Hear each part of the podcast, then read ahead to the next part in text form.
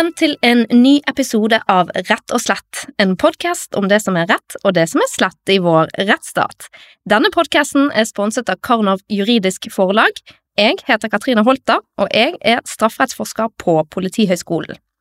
De siste årene har rusreform og avkriminalisering av bruk og besittelse av ulovlige rusmidler vært gjenstand for mye debatt.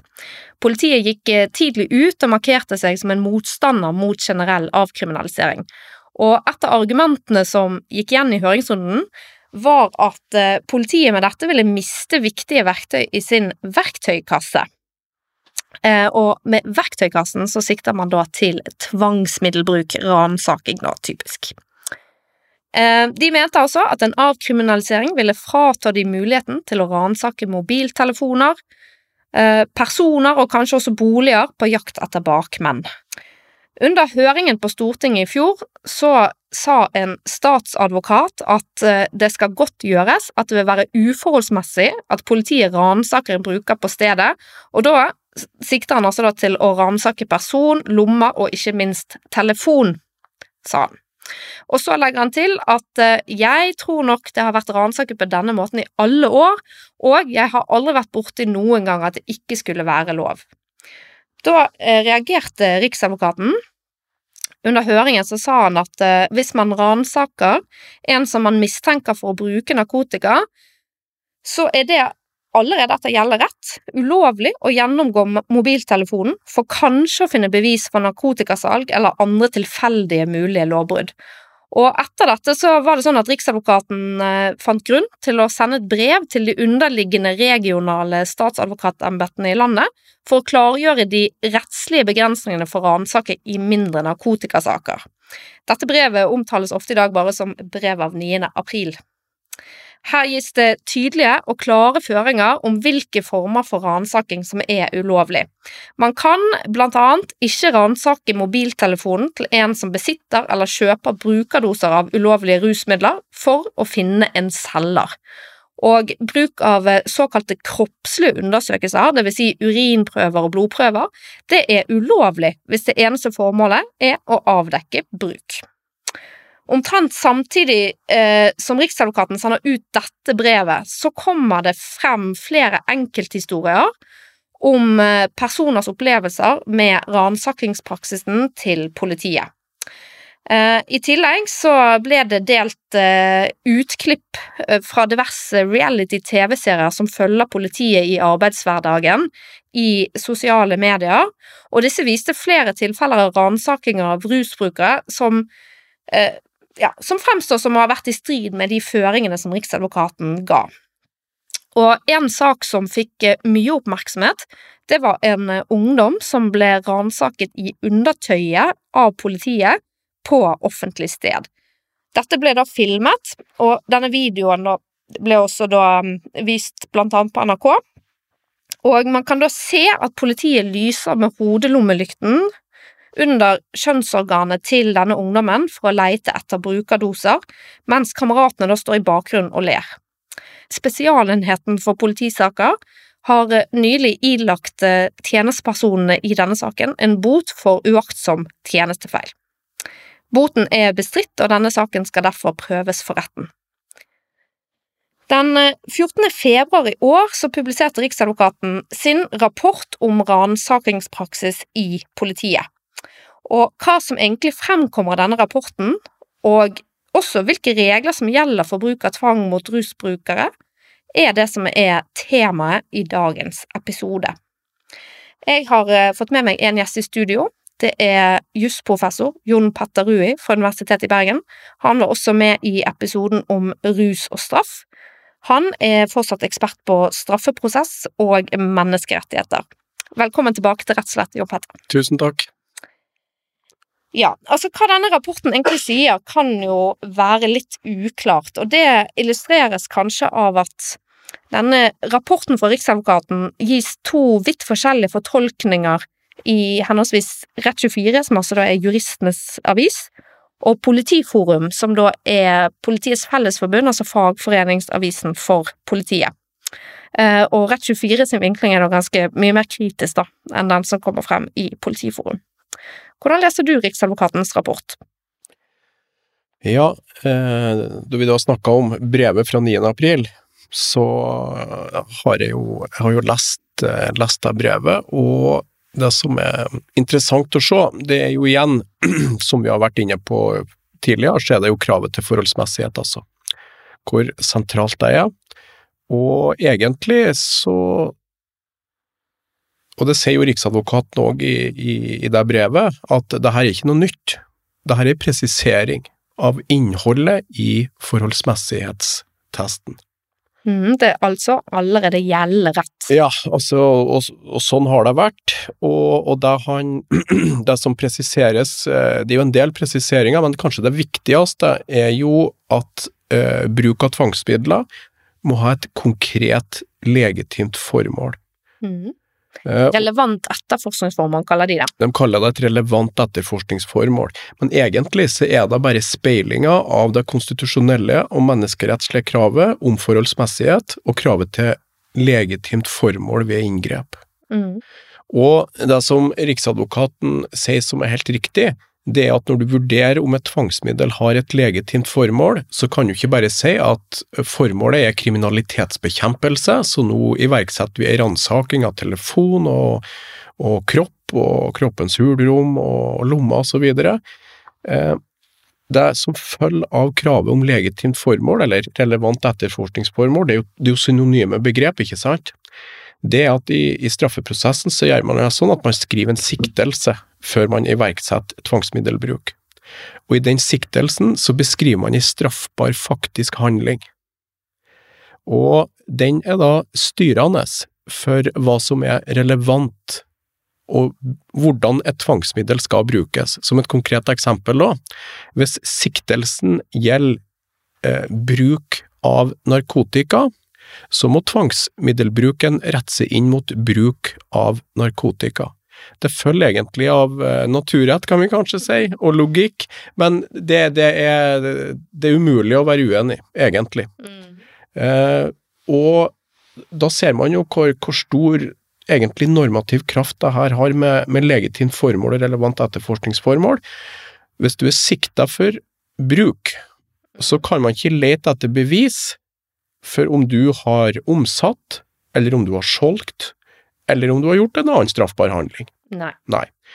Så det er egentlig det som er startpunktet i, i, i budskapet fra Riksadvokaten, og det er det som alt utledes av, egentlig. Mm. Det er det relevante etterforskningsformålet, og at tvangsmiddelbruk må ha et legitimt formål. Mm. Ja. Det er jo ikke helt uh, ukjent ifra andre, ifra andre rettskilder heller. Mm. Strasbourg, uh, altså Menneskerettighetsdomstolen, eh, har jo som et av de fremste kravene for at en, et tvangsmiddelbruk ikke skal være vilkårlig, eller arbitrary, det at det må være presisjon i faktumbeskrivelsen i siktelsen. For det er den alt vurderes opp imot. Mm. Ja. Og du kan jo på en måte tenke straffesaken som en slags um, Hvis du tenker på det som en boks, sant, så må du da um, tenke at det er en liten boks som er bruk, og besittelse, og inni denne boksen, hvis, har, hvis, det er bruk som er formålet, du skal avdekke bruk, eller du skal avdekke besittelse, da, om noen har noe i lommene, de virker veldig ruset, skal du finne ut om de har noe ulovlige rusmidler i lommene, så er det en liten bruk, nei, besittelsesboks som er, danner rammene for virkemiddelbruken, ikke sant? Og i en liten straffesak, altså en liten straffeboks, så er det ikke så veldig mange tvangsmidler, verktøy, oppi, plass til så veldig mange verktøy oppi den verktøykassen, eller oppi den boksen. Eh, men eh, hvis du eh, får mistanke, og skjellig grunn til mistanke, som han sier da, som er altså at du skal ha en godt begrunnet mistanke om at denne personen driver med salgs, omfattende salgsvirksomhet, for eksempel, så vil det være snakk om en mye større boks. Salg en mye større, mer alvorlig straffbehandling og en større boks, og der er det plass til flere verktøy for politiet, ikke sant, sånn at de kan eh, ransake på en mer inngripende måte enn det de kan gjøre i den bitte lille besittelsesboksen. Helt enig, og veldig treffende bilde skal jeg ta med meg i undervisninga. Eh, ja, helt riktig som du sier, og, og, men hvis boksen skal utvides, så må det jo da foreligge skjellig grunn til mistanke, og det betyr at da må det være mer sannsynlig enn usannsynlig at vedkommende driver med salg. Mm. Eh, før du, det beviskravet er oppfylt, så kan du ikke bruke tvangsmidler for, for det formålet. Mm. Og dette er jo noe av eh, bakgrunnen for den rapporten som da eh, er omtalt innledningsvis, som Riksadvokaten da har kommet med nå eh, for et par uker siden. Eh, vi spiller inn i dag, er det vel 25. februar når vi spiller inn, og den kom 14. februar. Eh, og eh, i knusktørt byråkratspråk så finner vi følgende konklusjoner. Antallet mindre narkotikasaker faller drastisk etter Riksadvokatens brev av 9. april i fjor.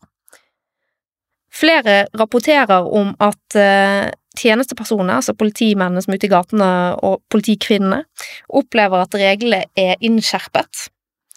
Det er manglende notoritet om tvangsmiddelbruken, med andre ord manglende dokumentasjon. Altså, man, man, vet for lite om hva som skjer, det er ikke alt som skrives ned. Um, og um, uh, det har blitt ransaket mobiltelefoner, selv om brukssaken er oppklart. Altså, når du er inne i eh, straffeboksen brukssak, når den er oppklart, så lukkes den boksen og settes vekk. Da er den ferdig. Etter det så har man likevel ransaket mobiltelefoner, uh, uten at det har vært åpnet en ny, ny boks, da. Mm. Uh, på det tidspunktet. Det har vært gjort uh, kroppslige undersøkelser, som da Riksadvokaten har sagt er ulovlig um, i, og uforholdsmessig i disse sakene. Det har blitt gjort i 18% av de undersøkte sakene. Det tilsvarer 40 saker i uken, og hvis disse tre ukene som uh, har blitt undersøkt, er representative, så er det snakk om 2000 i året. Uh, og um, mye tyder også på at mange oppfattet, uh, altså mange som har jobbet i politiet, har oppfattet urinprøver som forholdsmessig, Dessuten så pekes det på at det er store avvik mellom de ulike distriktene og embetene, eh, noe som selvfølgelig er en utfordring med tanke på likhet for loven. Eh, og eh, det sies også at, og dette er sitat, enkelte saker kan etterlate et inntrykk av en uheldig nidkjærhet fra enkelte tjenestepersoners side. Man mener at Politiet har ikke systematisk oppsøkt rusavhengige for å opprette saker, men de finner også eksempler på det, der politiet tilsynelatende altså oppsøkte noen som det var grunn til å tro at var rusavhengig, for å undersøke mindre alvorlige narkotikaforhold. Hva syns du, eh, Jon Petter, er det mest oppsiktsvekkende av funnene til Riksadvokaten? Ja, det er jo det du påpeker, og det er jo det, Hvis vi skal kalle en spade for en spade, så tar det om lovbrudd. Eh, og det er brudd på, det er brudd på de reglene som gjelder tvangsmiddelbruk eh, innenfor eh, etterforskning av straffesaker. Og det er jo svært alvorlig. Det, det er det jo ingen tvil om. Og som vi snakka om i stad, det her med overskridelse av, av etterforskningsformålet, det er jo ikke noe som Riksadvokaten fant på, eller det var jo ikke rettskapende juss i brevet av 9. april. Sånn har det alltid vært. Ja. Mm. Så, eh, ja. Men eh, litt mer sånn generelt, òg, Altså, dette har jo vært eh, Det er jo ikke noe sånn Det er jo ikke på en måte politiet som er, skal ha all skylden her. Altså, påtalemyndigheten skal jo drive aktiv fagledelse det må jo ha sviktet på et eller annet vis inntil det brevet kom. Um, og eh, dessuten så har jo det vært uh, saker som er sendt til tingrettene der de har fått uh, muligheter til å ransake, og jeg vet jo også at uh, forsvarerne har jo ment å ta sin del av ansvaret for dette, og så, så, altså det er jo en system kollaps, da. Selv om jeg mener jo at forsvarerne får jo eh, ikke så rimelig betalt for arbeidet sitt alltid, så dette er litt vanskelig å forvente altfor mye derfra, men, men, de burde vel kanskje tatt det opp på, eh, på, fra forsvarergruppens side, eller noe sånt. Eh, og det tror jeg de tenker sjøl òg, men der har det vel kanskje også vært en opplevelse av at selv om vi skulle prøve å få dette inn for domstol, så får vi ikke medhold. Nei. Nei, det er nok et, som du påpeker, sant, så er det jo et, et sammensatt bilde. Og, og, eh, men det er jo ikke tvil om at noen har jo gjennomført de her ransakingene. Mm. Og, og eh, hvis, du, hvis du går bort til en person, og du undersøker om vedkommende, og du har skjellig grunn til mistanke, altså du anser det som mer sannsynlig enn usannsynlig at vedkommende har brukt stoff, Hvis vedkommende da sier ja, jeg har brukt stoff, så er jo den saken oppklart. Og da er det utenfor etterforskningsformålet å eh, ta mobiltelefon, for saken er jo, er jo oppklart. Mm. Og ja, jeg tenker, skal være litt forsiktig, med, jeg tenker i min verden så er det, det ganske grunnleggende logikk. Så det er det som jeg syns er litt sånn småskummelt, rett og slett. Mm. Det er at en så tydelig logikk som ligger i dagen, at hvis jeg skal, hvis jeg skal oppklare eh, bruk, og jeg har oppklart bruk, så er den saken ferdig. Ja. Og så må jeg ha skjellig grunn til mistanke hvis jeg skal gå videre. Hvis jeg skal ta den telefonen, så må jeg holde det for mer sannsynlig enn usannsynlig at vedkommende for eksempel driver med salg.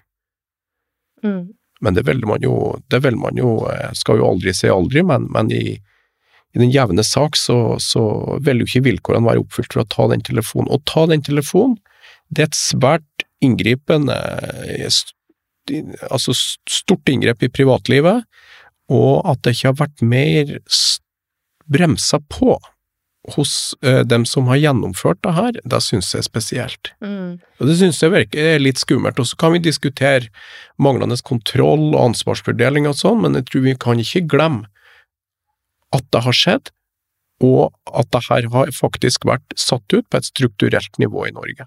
Mm.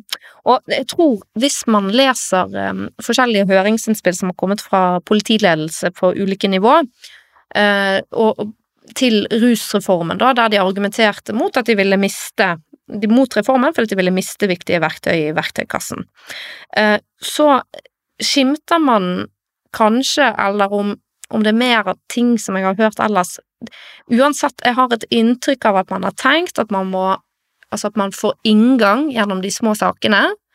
Og når du da har tatt, på en måte oppklart en brukssak, så har du på en måte fått en inngang til å um, etterforske, ransake videre etter mer alvorlige straffbare narkotikakriminalitet, og man har jo da kanskje hatt en erfaring med at med at uh, finner de noe, så er det mer å hente. Ja. Uh, og derfor er jo også denne boksmetaforen, syns jeg, er, er viktig, fordi at den viser at du kan ikke den, Når den boksen er lukket, så må det åpnes en ny boks. Det er ikke som en sånn sklie som man bare liksom rusher utfor. Nei, det er riktig. La oss gå litt sånn Vi har jo vært litt inne på disse vilkårene for ransaking. Det er jo altså et tvangsmiddel. Tvangsmidler er regulert i straffeprosessloven. Og det er altså da to grunnvilkår. Det er dette mistankegrunnlaget om skjellegrunn til mistanke. Og så er det forholdsmessighet. Ehm, og her er det jo, som Riksadvokaten er inne på, en, en viktig eh, differanse mellom det å rette ransaking mot den personen som du har siktet, eh, og mot tredjeperson, og da snakker man om tredjemannsransaking. Hva er det for noe? Ja, Tredjemannsransaking kan gjennomføres hos, eh, hos personer som ikke er med skjellig grunn kan mistenkes ved straffbar handling. Mm. Og så er det da dette forholdsmessighetskravet som vi har vært inne på, og eh, det som eh, gjorde at jeg hoppet litt i stolen da jeg leste Riksadvokatens eh, rapport, eh, for å være helt ærlig, eh, det er denne setningen her, og det er sitat. Begrepet uforholdsmessig inngrep i paragraf 170 a er en rettslig standard. Dette innebærer at det må tolkes i lys av sin samtid. Når det skjer endringer i samfunnets syn på alvorligheten av en straffbar handling, vil innholdet i begrepet kunne endre seg. Slike endringer vil ofte utvikle seg over tid, der flere elementer, gjerne i et samspill med hverandre, kan spille inn. Eh, og legger da altså til eh, på generelt grunnlag vil tidligere praksis i påtalemyndigheten og i domstoler kunne være viktige kilder i en totalvurdering av om tvangsmiddelet er et uforholdsmessig inngrep. Um, grunnen til at jeg eh, hopper litt i stol her, er fordi at um, man her uh, på en måte åpner for denne ideen om at um, Altså at samfunnsmoralen blir liksom en viktig faktor inn i hva som skal være forholdsmessig og ikke, og på en måte hopper litt bukk over det at at bruk- og besittelsessaker, sant, det er offerløs kriminalitet, eh, som vi var inne på i episoden om rus og straff. Mm. Det vil si altså at det er kriminalitet der det kanskje er rusbrukeren sjøl som er det største offeret. Det er ikke i tråd med skadefølgeprinsippet å kriminalisere dette her, det eh, som vi også var inne på i den episoden, um, og det har det heller aldri vært. Det er bøteforhold, og dette her er da eh, objektive forhold som ikke har endret seg, og ikke endrer seg med en samfunnsmoral. Så Mm. hvilken betydning kan samfunnsmoral ha her? Er dette forholdsmessighetskravet, er det egentlig en rettslig standard som endrer seg i takt med tiden, og hvordan vi ser som samfunn på, på denne type handlinger? Ja. Eh, Jeg syns jo òg det der var et litt spesielt ut, utsagn. Så hvis vi tar forholdsmessighetsprinsipp og starter med starter om kravet om etterforskningsformål, så er det jo et rent eh, teknisk og nesten naturrettslig krav, ikke sant, med at eh, når du har beskrevet i faktumbeskrivelsen eh, hva som omfattes av skjellig grunn til mistanke, så har du låst av muligheten til tvangsmiddelbruk til det som står beskrevet der. Typisk, hvis jeg mistenker det for bruk, så kan jeg gjennomføre tvangsmidler for å oppklare bruk. Men jeg kan ikke gjøre det for andre forhold, for da mangler jo kravet om, om skjellig grunn. Så det her er jo logikk, det har jo ingenting med moral å gjøre. Det er jo en ren eh, teknisk øvelse. Eh, og hvis du da går på, på at inngrepet ikke skal gå lenger enn nødvendig, så har det heller ingenting med moral å gjøre. Og når vi kommer i denne avveininga, så vet vi jo at på den ene sida så står statens legitime behov for å oppklare nettopp den type kriminalitet det er snakk om, la oss ta bruk av narkotika. På den andre sida står vedkommende sin frihet, altså sin fysiske integritet. Eh, Så du veier altså viktigheten av å få oppklart et narkotikalovbrudd med den strafferamma det har, opp imot den friheten. Der er det heller ikke noen moralske eh, argument som går inn, altså. Så eh, svaret for min del må være nei, at, at forholdsmessighetsprinsippet i, i straffelovens 170 a, da, og, og som jo selvfølgelig òg følger av Grunnloven 102 og EMK artikkel 8, det inneholder ikke noen moralsk vurdering. Eh, Så kan det jo være slik, selvfølgelig, at, at straffen for, en, for et lovbrudd kan jo variere. Og Det vil ha betydning i forholdsmessighetsvurderinga.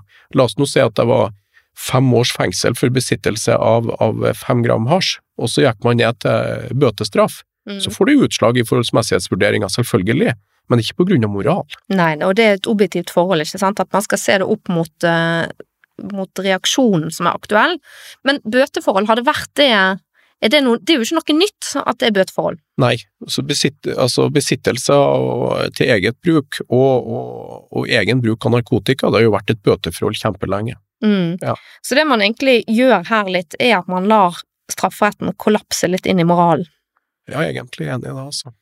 Eh, Og denne uttalelsen om at det på generelt grunnlag så vil altså tidligere praksis i påtalemyndigheten og domstolene kunne være viktige kilder i en totalvurdering. Em, tidligere praksis i påtalemyndigheten, la oss oversette det. Det er snakk om forvaltningspraksis. Og tidligere praksis fra domstoler, la oss oversette det, det er snakk om underrettspraksis, for dette har ikke vært oppe i Høyesterett, så vidt jeg vet, og det står vel også i rapporten. Jeg tenker at uh, Torstein Eckhoff, som er metodeguruen uh, for jurister, han ville snudd seg i graven hvis han hadde lest eller fått høre om dette denne uttalelsen her. Eh, det er helt klart at forvaltningspraksis og underrettspraksis ikke kan være viktige rettskilder for hva som er lovlig, eh, lovlig tvangsmiddelbruk. Nei, det er helt enig i. Eh, En annen ting der er jo, er jo at det spørs i hvilken grad domstolen har tatt stilling til lovligheten, ikke sant? For det vi vet, sånn som det er i Norge, i straffeprosessen så er det jo fri bevisførsel, og selv om et bevis er ulovlig erverva, så avskjæres det ikke. Der har vi jo en ledende sak fra 2006 som jeg synes går veldig langt Fra hvor hen da? fra Høyesterett. Ja. Eh, Der var forholdet at det var en politipatrulje som var ute og kjørt, og så eh, bestemte de seg for å stoppe en bil. En, ja, var, det, altså, var det en sånn kjenning da, som kjørte rundt. Eh, og så ba de om å åpne opp døra bak, og så fant de en pistol. Eh, hadde null skjellig grunn til mistanke, de bare stoppa han bare på, på magefølelse. Eh, og han ble jo selvfølgelig tiltalt for ulovlig våpenbesittelse, eh, og i saken i Høyesterett så, så, anførte jo forsvarer at her, her var det jo ikke skjelv og ingenting, Mm. og ingen grunn for å gjøre det her. Så sa Høyesterett ja, det var nok i strid med loven, bevisinnhentinga og, og tvangsmidler, men beviset kan brukes likevel, på grunn av at vi har det her med fri bevisførsel. Mm. Så det er klart, det er et spenningsforhold mellom eh, de strikte kravene her til tvangsmiddelbruk og måten vi behandler ulovlig erverva bevis på i Norge. Ja, og dette her tror jeg er et veldig viktig poeng som du er inne på nå, fordi at det er jo også en av grunnene til at det ikke har vært noe poeng for forsvareren å drive forfølge følge dette nå videre, for, for hva skal du gjøre med det? Ja, det er riktig, da. Det er, det er riktig, og så er, har jo tankegangen bak vårt det, Ikke sant, så har jo vært eh, tankegangen bak da at hvis påtalemyndigheten bryter regler ved innhenting av bevis, så skal det heller forfølges disiplinært. Man skal ikke bruke, man skal ikke bruke eh, rettssystemet for å sanksjonere ulovlig bevisinnhenting. Men det er klart det er en, det er en disharmoni her. Eh, Det, det, er det ikke noe tvil om, som, som kan godt ha, ha virka inn på den, på den praksisen i, i politiet. Mm. Jeg opplever i hvert fall når jeg leser rapporten eh, knyttet til dette her med underrettspraksis og forvaltningspraksis, altså det som de kaller praksis, påtalemyndigheten og domstolene, eh, så er det liksom Altså, det, er noe med at påtalemyndigheten opphøyer seg sjøl litt når de uttaler seg på den måten at vår praksis som påtalemyndighet er veldig viktig for hva som er gjelder rett, ikke sant? Så opphøyer man seg sjøl til en sånn slags eh, en sånn selvlovgivende posisjon, og det blir på en måte litt sånn sirkulært, fordi at eh, man på en måte Antydningen er jo at ok, dette var dette er klart ulovlig etter vi sa det i vårt brev av 9. april, så nå er det ulovlig. Ja. Eh, og kanskje det var Kanskje var det ulovlig litt før også, men ikke så veldig lenge før. Eh, mens eh, Ja, mens, mens, det var noe Skjønner du hva jeg mener? Altså, det virker For meg, når jeg leser rapporten, så er mitt inntrykk at Riksadvokaten på en måte nå er mer opptatt av fagledelse for fremtiden, og, og for korrigert praksis for fremtiden, enn de er av å få alle kortene på bordet knyttet til hva som har skjedd i fortiden. Eh, og det var jo også ganske forutsigbart. Det var en av grunnene til det, Og det, det kan jeg også forstå, det er ikke sikkert det liksom er at Riksadvokaten tenker at det er deres jobb å, å gjøre hele den, den type granskning, da. Mm. Men ehm, det var jo også derfor jeg var opptatt av at vi skulle ha en uavhengig granskning av dette her. Ja, og det er jo enig med det. Altså, det er jo Det ligger jo i sakens natur at, eh, at når et eh, myndighetsorgan som har gjort en feil skal granske seg sjøl, så, så blir jo ikke det objektivt. Det er jo så enkelt som Det kan jo ikke sies enklere, egentlig. Nei, du kan ikke bli mer inhabil enn som så. Nei. Men eh, jeg har likevel, da, må understreke det, at jeg har stor respekt for den jobben som Riksadvokaten har gjort her. Jeg syns de gjør en eh, grundig jobb, og de har jo lagt ned eh, så det, noe sånt som 330 dagsverk eller noe sånt, som var inngått til å gjennomgå denne rapporten, og det hadde de jo for så vidt ikke trengt å gjøre, da. Men akkurat disse passasjene um, Det er ikke den beste jussen jeg har sett fra Riksadvokaten, akkurat dette. Du kan se det der med, det der med å si at eh, forholdsmessighetsvurderinga er en rettslig standard som beror på moraloppfatninga i samfunnet. Den tror jeg nok eh, det er ikke så mange som er enig i, nei. Mm. Det tror jeg nok ikke. Når det er sagt, så er det jo, så er det jo fortjenestefullt eh, at, eh, at det var Riksadvokaten da som, det, som tok tak i det her, i det brevet fra 9. april. Det har vært viktig. Ja. To viktige begreper for politiet er jo fersk gjerning og ferske spor.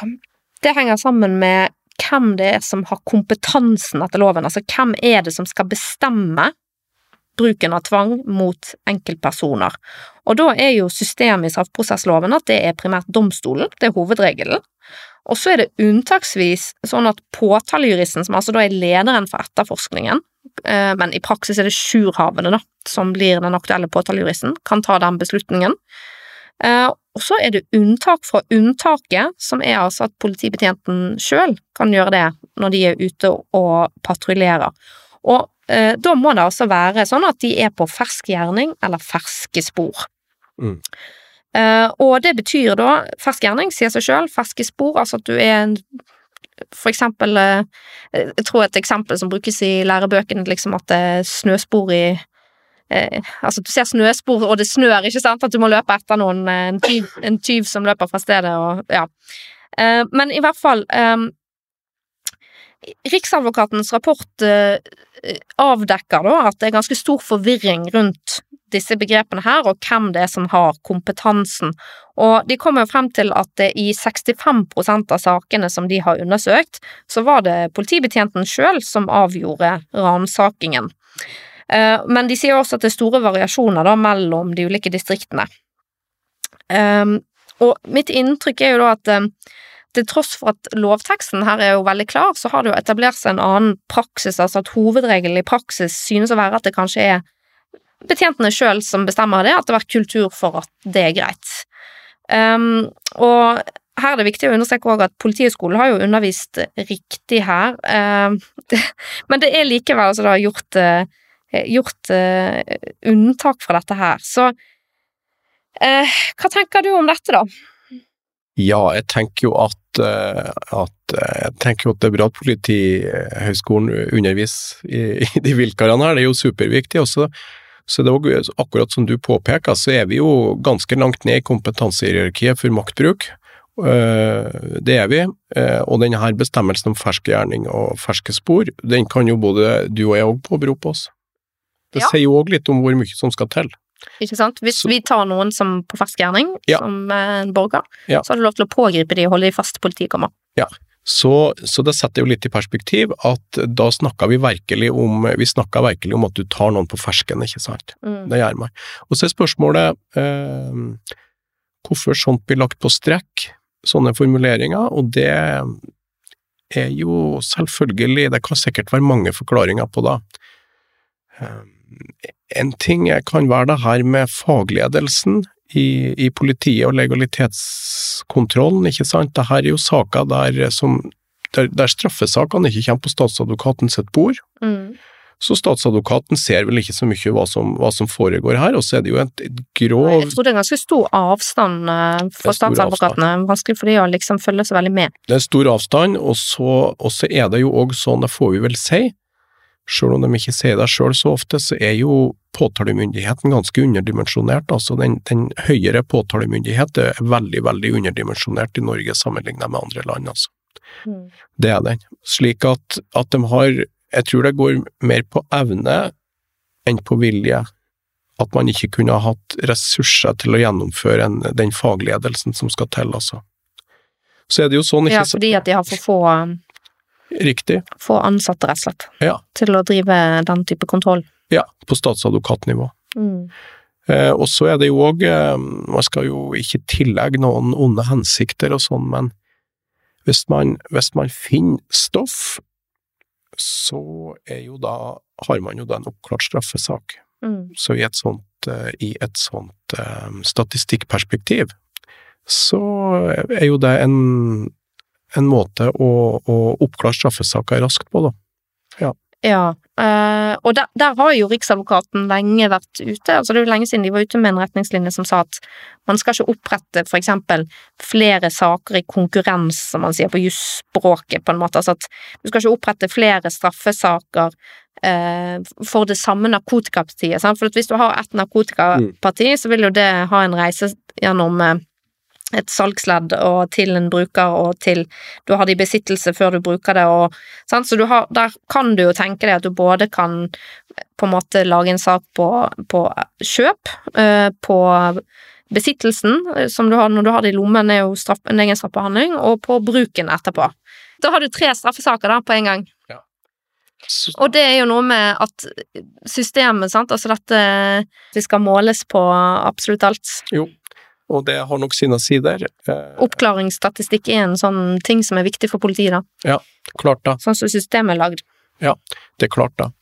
Eh, og, og eh, på systemnivå, også hvis du ser på det på, på, på et litt sånn større perspektiv, så, så kan det òg ha vært en klart en medvirkende, medvirkende årsak. Og så er det kanskje ikke så lett selv om du har fått eh, fin utdannelse på, på Politihøgskolen og, og hatt uh, gjennomgang av straffeprosess osv., så, videre, så er det kanskje ikke så lett. Jeg tenker det må være ganske utfordrende å være polititjenestemann, eh, gå der ute på gata eh, og drive med inngripende, ganske strengt legalitetsstyrt tvangsmiddelbruk.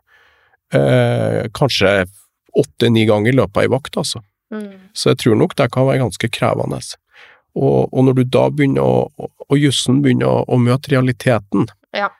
eh, og hvis du da ser at hvis jeg praktiserer jussen sånn og sånn, så, så eh, jeg, får jeg kanskje ingen beslag i løpet av ei, hel vakt, eller flere vakter, så, så er jo sikkert det òg en ting som, som, som kan virke inn, tenker jeg. Det er i hvert fall sånn at systemet har noen uheldige insentiver, det er jo noe man kjenner igjen fra andre områder, og ikke minst fra forskningen med tellekantsystem osv. Ja, på universitetet. Ja, eh, men hvorfor har det betydning hvem som tar den beslutningen, da? Om tvangsmiddelbruk? Mm. Eh, det er jo sånn at uh, all etterforskning er jo rettslig styrt virksomhet. Det er jo judisiell virksomhet. Og sånn er det jo i alle europeiske og vestlige rettssystemer. Så er det jo slik at uh, det er ikke polititjenestemenn som treffer beslutninger, altså juridiske beslutninger om tvangsmiddelbruk. Det skal være statsadvokat eller jurist. Og det er jo ut ifra at man skal ha et materielt riktig resultat, at vedkommende da må jo være skolert for å treffe avgjørelsen.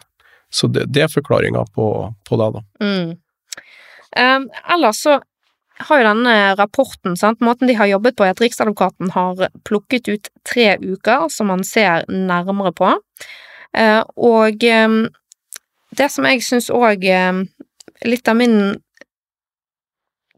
kritikk, egentlig, mot uh, denne rapporten fra Riksadvokaten, det er at uh, de ikke redegjør for hvorfor de har valgt ut akkurat de ukene som de har gjort. Fordi alle disse tre ukene som er hentet ut, er fra perioden under pandemien. Mm. Eh, og det på tidspunkter der eh, koronaen her er ganske bra, og det var en del begrensninger. Eh, og det sies ingenting i rapporten om hvorfor man tenker at disse tre ukene skulle være representative, ikke sant?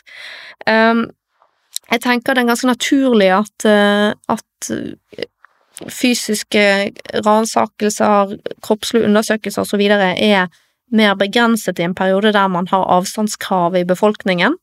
Og det som også var et poeng, var jo at dette, alle disse tre ukene kom jo etter at Riksadvokaten hadde gitt en, et rundskriv av korona, der det, fordi at man skulle avlaste domstoler og så videre, så skulle ikke man opprette unødvendige saker i. i altså i bruk- og besittelsessaker, da. Mm. Eh, så, så, det er flere ting som her som jeg syns er litt problematisk dersom formålet er å få alle kortene på bordet, og som gjør at jeg tenker at det er ikke egentlig det som er det primære formålet. Det sier de også flere ganger sjøl, at formålet er fagledelse og korrigering for fremtiden.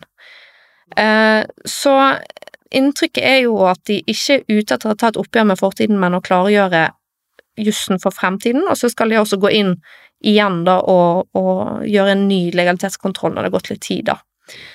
Uh, men hva tenker du, altså kan vi da, gitt dette da, denne konteksten, kan vi stole på at denne rapporten gir dekkende bilde av situasjonen sånn som det har vært? Ja, ut ifra det du ser nå, så er jo egentlig svaret i ganske begrensa grad. Ja, da For de tre ukene, ikke sant, det er det ene. Det, og, og, for det andre så, så, må vi jo ta i betraktning at, at her har man da granska seg sjøl. Ja. Det har man altså. Og spørsmålet er jo da om det fortsatt er et poeng med en uavhengig granskning.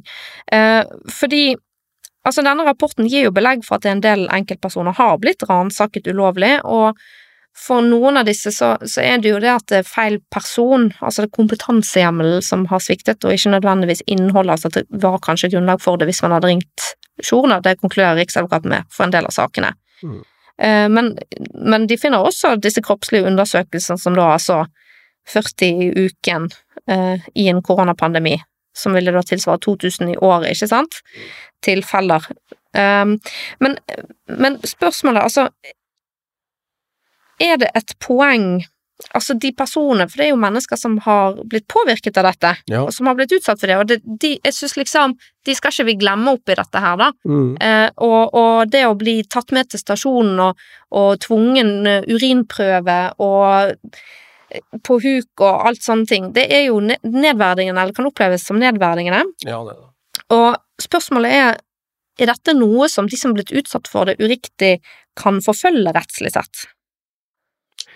Ja, så jeg, eh, jeg må si litt, litt eh, usikker, men hvis det er klart, hvis du er utsatt for uhjemla myndighetsutøvelse, så, og i dette tilfellet, har- så ser man jo òg, ikke sant, at, at, eh, at i, i de tilfellene det mangler grunnlag i loven for inngrepet, så vil det jo òg være en krenkelse av, av menneskerettigheter. Mm. Det vil jo være en krenkelse av, av retten til privatliv.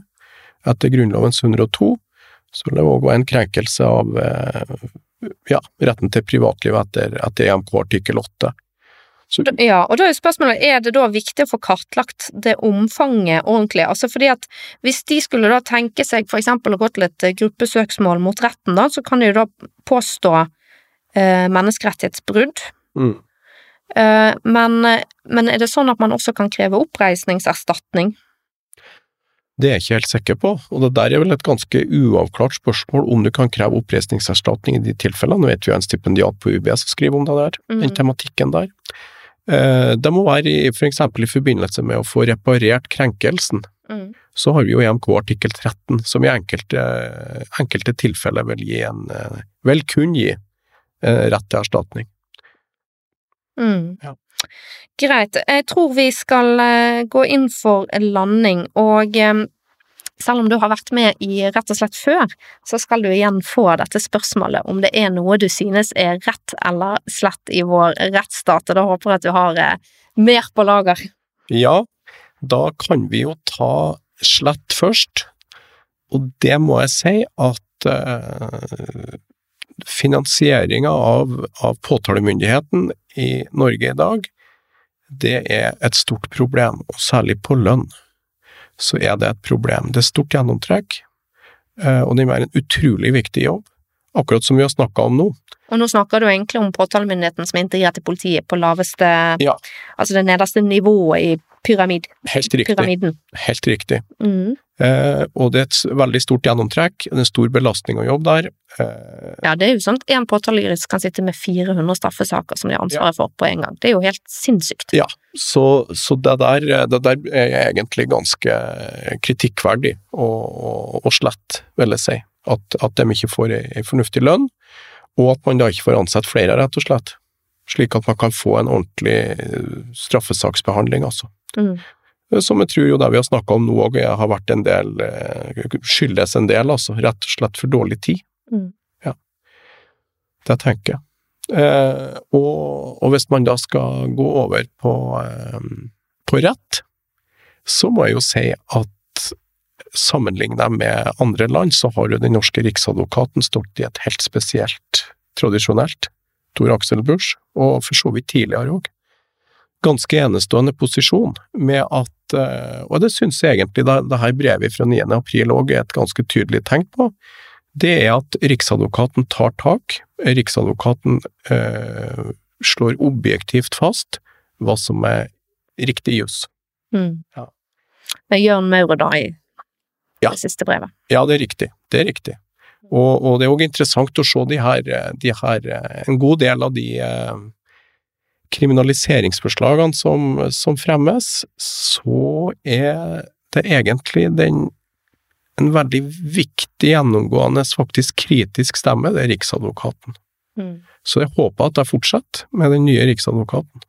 Det håper jeg òg, og det Ja. tror jeg òg at det vil gjøre. Da har vi kommet til eh, slutten for i dag. Tusen takk til eh, deg, eh, Jon Petter Rui, for at du var med i Rett og slett, og tusen takk til lytterne som, som har eh, hørt på oss. Husk å abonnere på denne podkasten, og fortell gjerne om den til en venn. Takk for i dag.